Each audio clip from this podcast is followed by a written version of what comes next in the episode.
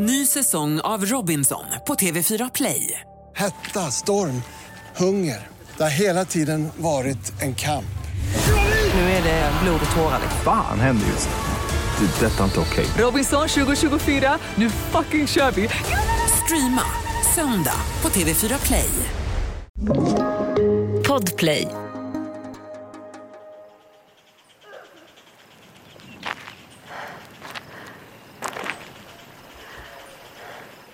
Skräckslaget tittar jag mig runt. Hjärtat slår hårt och fort. Det känns som att det är på väg ut ur mitt bröst. Jag blir plötsligt medveten om mörkret och att det måste vara mitt i natten. Månens sken tränger fram genom ett tunt molntäcke. Visst hade jag hört någon gråta. Och var är min lillebror? Så ser jag honom. Han är nere vid floden nu och har vadat ner i vattnet. Trots att han är rädd för floden och inte kan simma står han nu där, mitt i dygnets mörkaste timmar. Det är som att någon ropar på honom. Det är som att någon ropar på honom.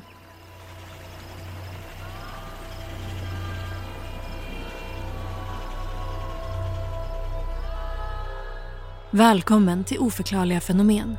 Ett program där jag, Evelina Johanna, Och jag, Tom Schäferdik. tar med dig på berättelser om märkliga och obehagliga händelser, mysterier och fenomen. Fenomen som inte alltid går att förklara. Innan vi drar igång med dagens berättelse vill vi bara tipsa om en grej. Nya avsnitt av Oförklarliga fenomen släpps varje tisdag. Men om du vill höra avsnitten en dag före alla andra ska du gå in på podplay.se eller ladda ner appen. Helt gratis. Under en resa till Grönland för ungefär sju år sedan berättade en bekant som bor där om en mystisk varelse som enligt grönländsk folktro sägs kidnappa olydiga barn. Varelsen är flera meter lång, har blek hy och bär en flätad korg på ryggen där den stoppar ner barnen som den fångar. Norrskenet lekte över oss där vi gick igenom den mörka natten och fastän jag var alldeles för gammal för att tro att det där var något annat än en skröna kunde jag inte rå för den rysning som gick genom kroppen när jag föreställde mig hur varelsen såg ut. Liknande kusliga historier med en uppfostrande underton går att hitta runt om i hela världen, både i norr och söder. I det här avsnittet ska vi prata om sägnen om La Llorona, den gråtande kvinnan. En skrämmande gestalt som många säger sig ha hört, sett och mött som satt skräck i barn i flera generationer eftersom det är det som hon sägs vara ute efter.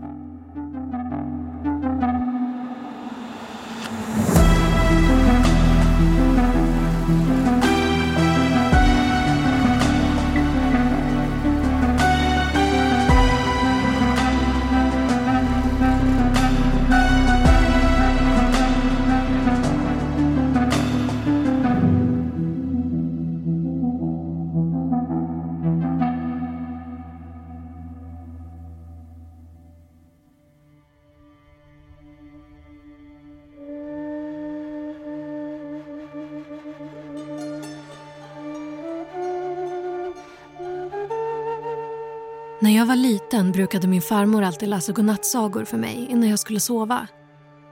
Det fick mig att varva ner, att få stopp på alla tankar som snurrat runt i huvudet efter dagens intryck. Hennes mjuka, inlevelsefulla röst och berättelsernas gripande beskrivningar fick mig att sväva iväg i fantasin. Historier om tomtar och troll, spöken och sagolika väsen. Men det var en berättelse som alltid gav mig kalla kårar. Den om den gråtande kvinnan. Jag kan än idag inte riktigt förklara varför. Men varje gång vi slog upp den kantstötta boken var det som att hon var närvarande i rummet.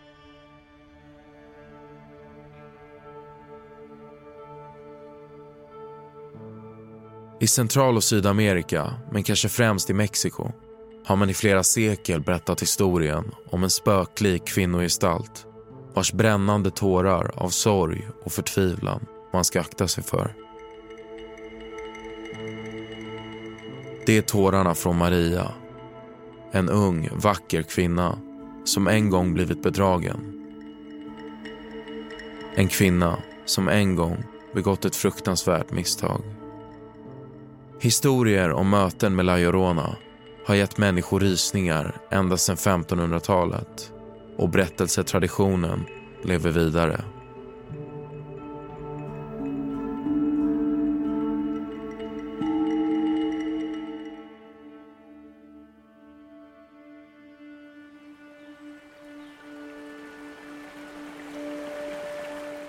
Jag och min bror har alltid lekt i naturen, nära floden.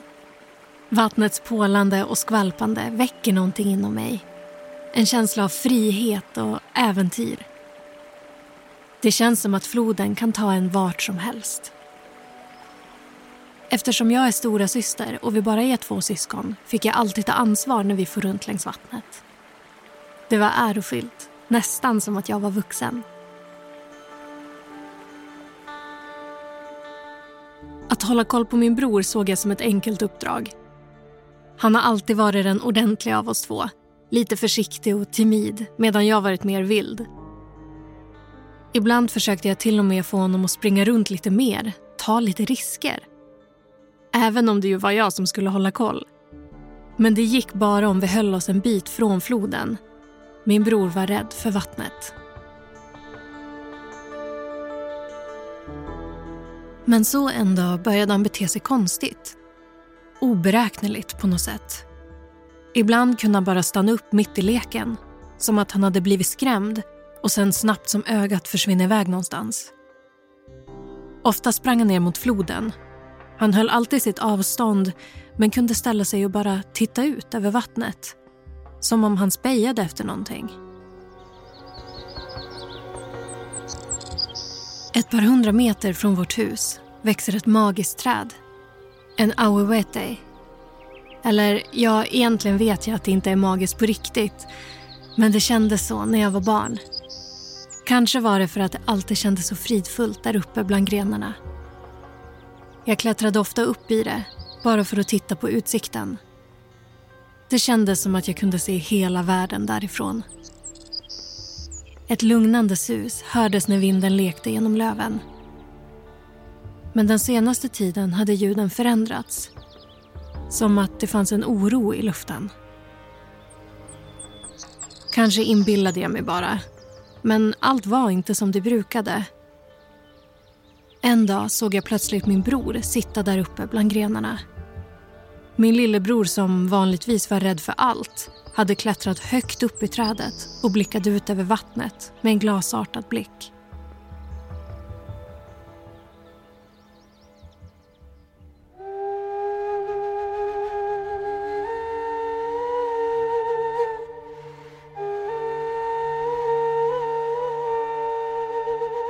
Maria, kvinnan som ska bli La Llorona, växer upp i ett fattigt hem.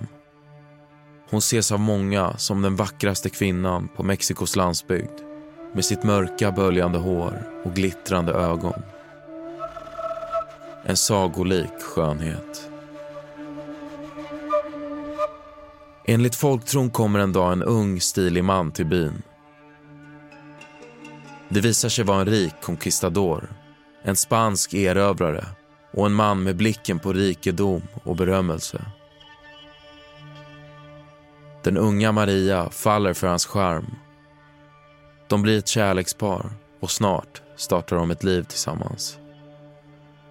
Maria och den rika conquistadoren får två barn.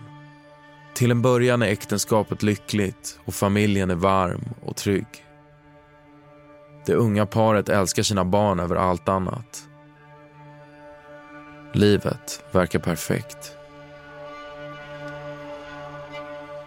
Men så en dag förändras allt. När Maria är på promenad med barnen får hon syn på sin man i armarna på en yngre kvinna.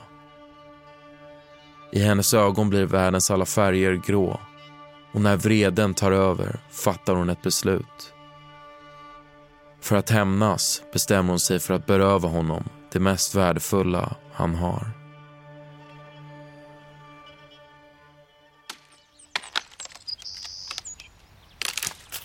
Ibland hjälpte mamma mig att karva stora bitar bark från auehueten, vårt magiska träd.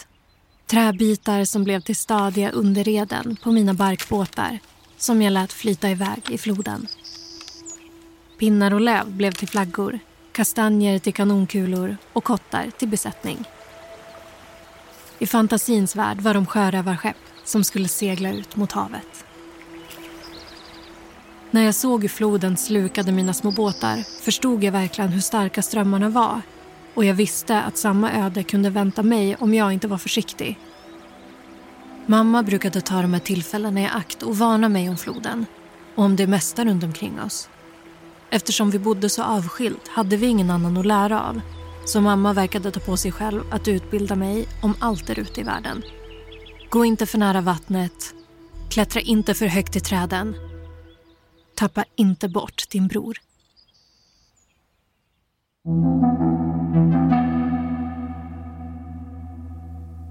Ny säsong av Robinson på TV4 Play. Hetta, storm, hunger. Det har hela tiden varit en kamp. Nu är det blod och tårar. Fan händer just nu. Det. är Detta är inte okej. Robinson 2024, nu fucking kör vi! Streama söndag på TV4 Play. Poddtips från Podplay. I fallen jag aldrig glömmer djupdyker Hasse Aro i arbetet bakom några av Sveriges mest uppseendeväckande brottsutredningar. Går vi in med hemlig telefonavlyssning och, och då upplever vi att vi får en total förändring av hans beteende. Vad är det som händer nu? Vem är det som läcker? Och så säger han att jag är kriminell, jag har varit kriminell i hela mitt liv men att mörda ett barn, där går min gräns. Nya säsongen av Fallen jag aldrig glömmer på Podplay. När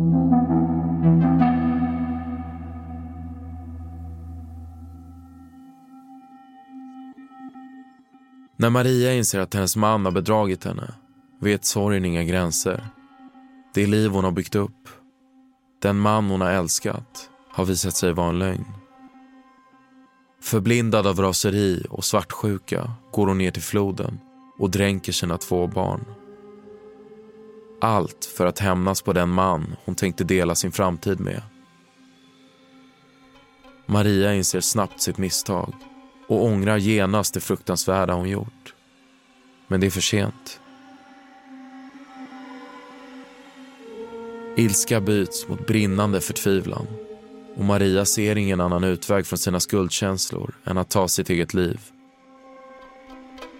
Hennes enorma skam får henne att kasta sig själv i samma flod. Andra menar att hon dör av sorg. Men oavsett vad som händer innebär det inte ett slut. Döden tar henne aldrig i sitt grepp utan Maria blir kvar någonstans mellan vår värld och nästa. Enligt sägnen flackar hon nu runt på jorden för att leta efter barn att ersätta sina egna med. En rastlös ande, fångad mellan denna värld och nästa. Det sägs att det är först när hon hittar barnen hon kan lämna den här världen och släppa sig igenom till nästa. Hon är dömd till att leta efter dem för evigt.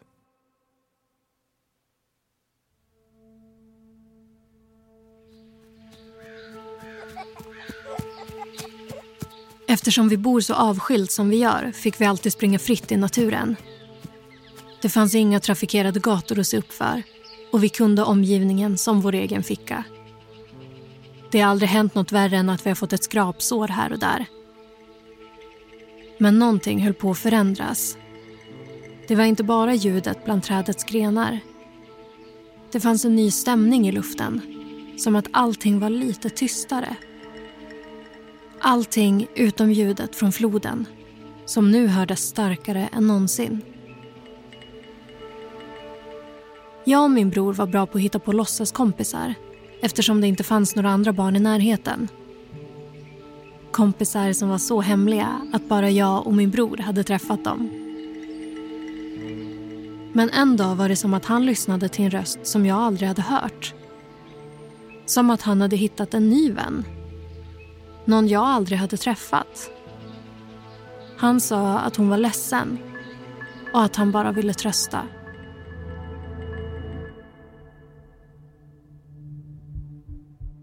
Sen dagen Maria dränkte sina barn har hennes klagorop hörts eka runt Mexikos floder.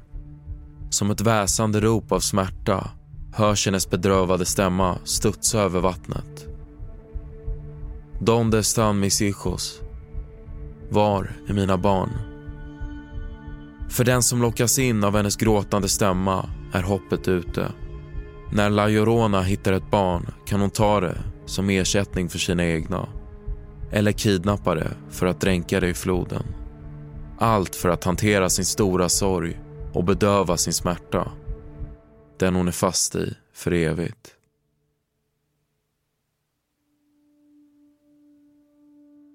Min bror hade alltså en ny vän som behövde honom. Till en början tyckte jag att det var fint. Det var som ett tecken på vilken snäll människa min lillebror var. Till och med i fantasin visade han empati och medkänsla.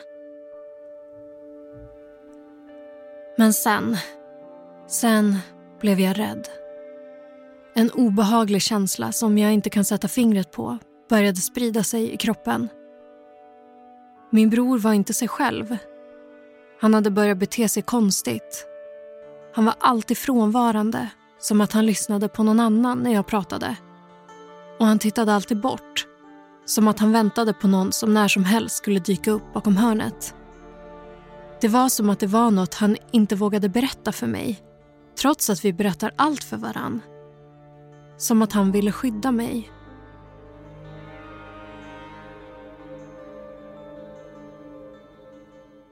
När vi gick och la oss den kvällen hade jag svårt att komma till ro. Sängen kändes hård och trång och kroppen stel. Hur mycket jag än vände och vred hittade jag inte ett sätt att ligga skönt. Jag får runt på madrassen som tankarna får runt i mitt huvud.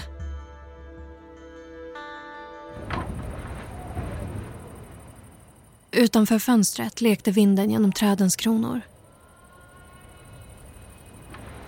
Där var det igen. Det där konstigt hotfulla ljudet. Men kom det verkligen från träden?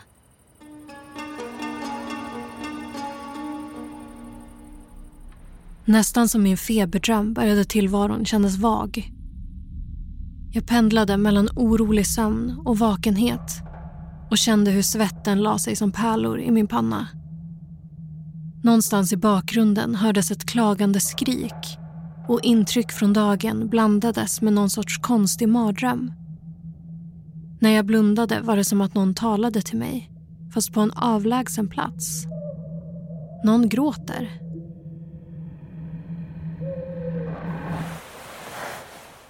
Med ett ryck satte jag mig upp i sängen. Det måste vara min bror. När jag med stapplande steg gick fram till hans säng var han inte där. Mina barfota fötter kändes blytunga mot det knarrande trägolvet och en ilning spred sig längs med ryggraden.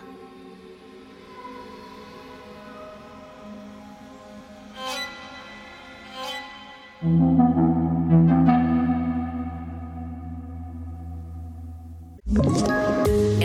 Poddtips från Podplay. I podden Något Kaiko garanterar östgötarna Brutti och jag, Davva, dig en stor dos skratt.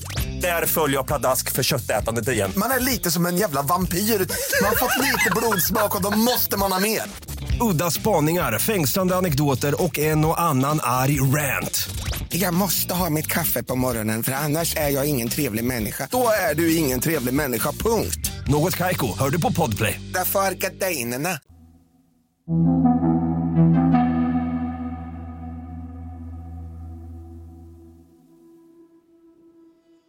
I Mexiko har sägnen om La Llorona använts som en del av uppfostran.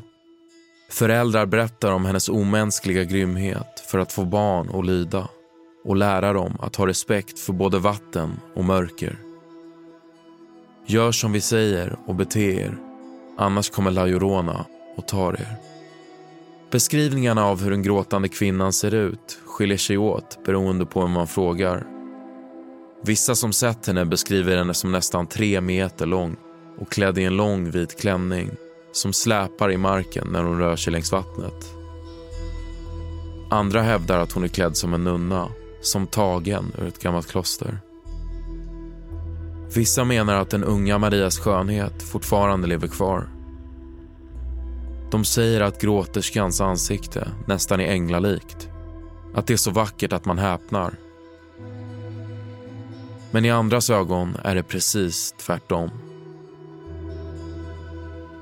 Enligt dem är Lajorona en skräckinjagande varelse. Inte bara för det hon gör, utan för det hon är. Med ett gammalt, rynkigt och deformerat ansikte innebär bara synen av henne en obehaglig upplevelse. Där är det som att ondskan har tagit över och hennes sanna natur speglas i det yttre.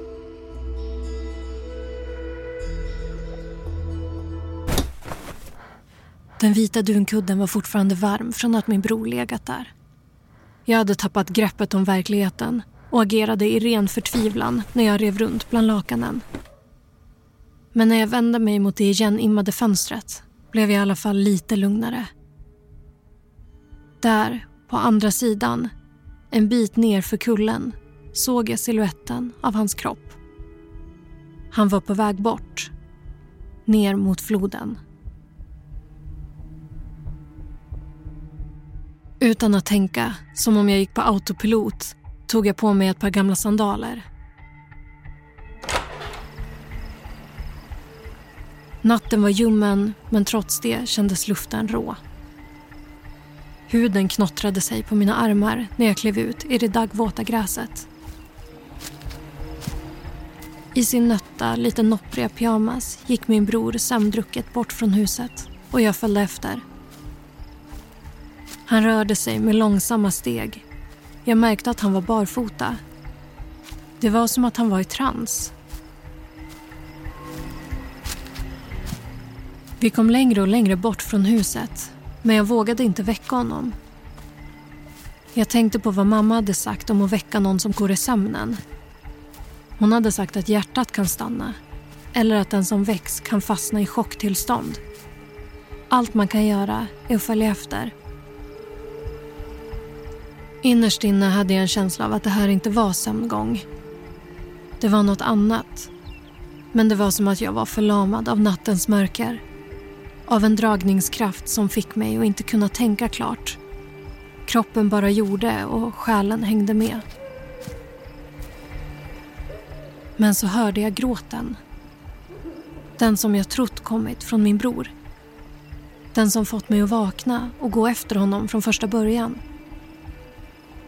Gråten kom inte från honom. Men det var ingen annan där. Skräckslaget tittade jag mig runt. Hjärtat slog hårt och fort. Det kändes som att det var på väg ut ur mitt bröst. Det måste ha varit en bra bit efter midnatt. Månens sken trängde fram genom ett tunt molntäcke. Så såg jag något i periferin. Något böljande vitt, nästan som ett tygstycke. Ett släp som på en bröllopsklänning. Jag såg det i ögonvrån, men när jag vände mig dit var det borta. Istället såg jag min älskade lillebror. Han var nere vid floden nu och hade vadat ner i vattnet. Trots att han är rädd för floden och inte kan simma stod han där mitt i natten. Som tagen ur ett konstverk. Det var som att någon ropade på honom. Då såg jag en siluett ta form på andra sidan.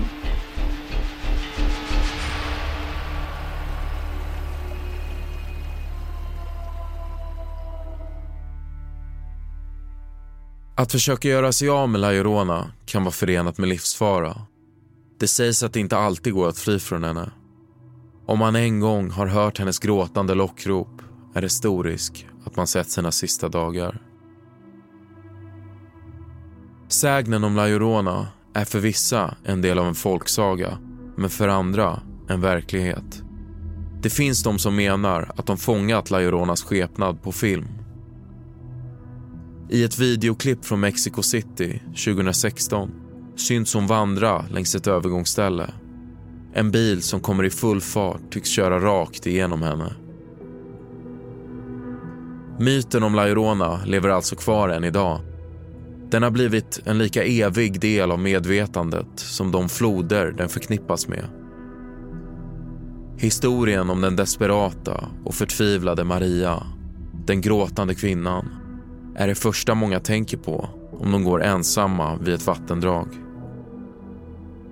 När det blir tyst och stilla och vinden sjunger i träden är det svårt att inte se sig över axeln. Tänk om hon står där. Vad jag såg kändes som en mardröm.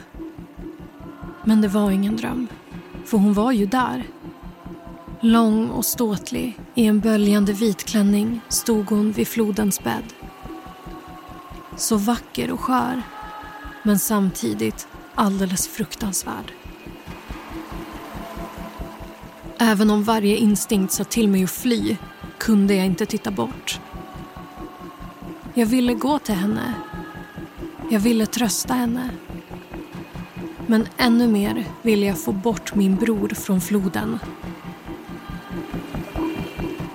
Det var som att mörkret slöt sig ännu tätare runt omkring oss fastän hon nästan omgavs av ett sken. Som en aura av förtvivlan och hjärtesorg. Hon som hade förlorat sina barn. Hon som vi alltid hade blivit varnade för. Det var hon. Jag skrek åt min bror att springa. Det är hon, han måste springa. Men det var redan för sent. Han ville ju bara trösta.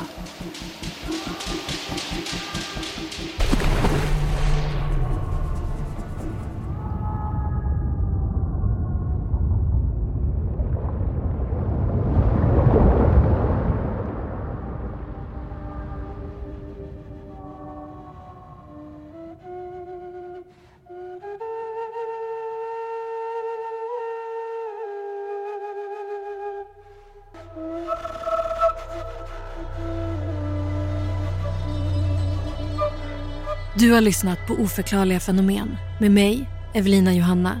Och mig, Tom Schäferlik. Manuset är skrivet av Annie Hogner. Redaktör Alex Häger.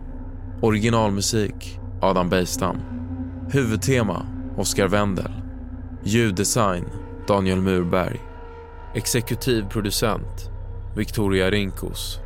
Oförklarliga fenomen görs av oss på podcastbolaget Cast. För fler oförklarliga händelser och obehagliga spökhistorier från Mexiko, följ oss på TikTok. Har ni idéer på fler oförklarliga fenomen? Lämna en kommentar eller skriv till oss på Instagram. I nästa avsnitt ska vi djupt in i de ryska bergen, till Dyatlovpasset. För 60 år sedan gick en grupp erfarna skidåkare in i passet och sågs aldrig levande igen. Vad var det som hände med dem? Och varför var tältet de alla sov i uppskuret från insidan?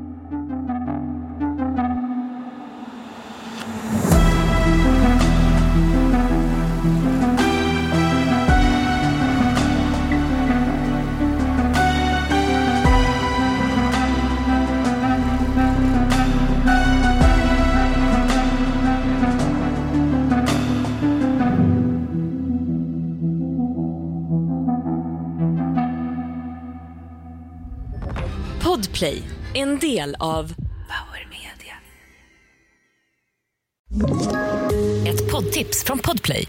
I podden Något Kaiko garanterar östgötarna Brutti och jag, Davva, dig en stor dos skratt. Där följer jag pladask för köttätandet igen. Man är lite som en jävla vampyr. Man har fått lite blodsmak och då måste man ha mer. Udda spaningar, fängslande anekdoter och en och annan arg rant. Jag måste ha mitt kaffe på morgonen för annars är jag ingen trevlig människa. Då är du ingen trevlig människa, punkt. Något Kaiko, hör du på Podplay. Därför arkadeinerna.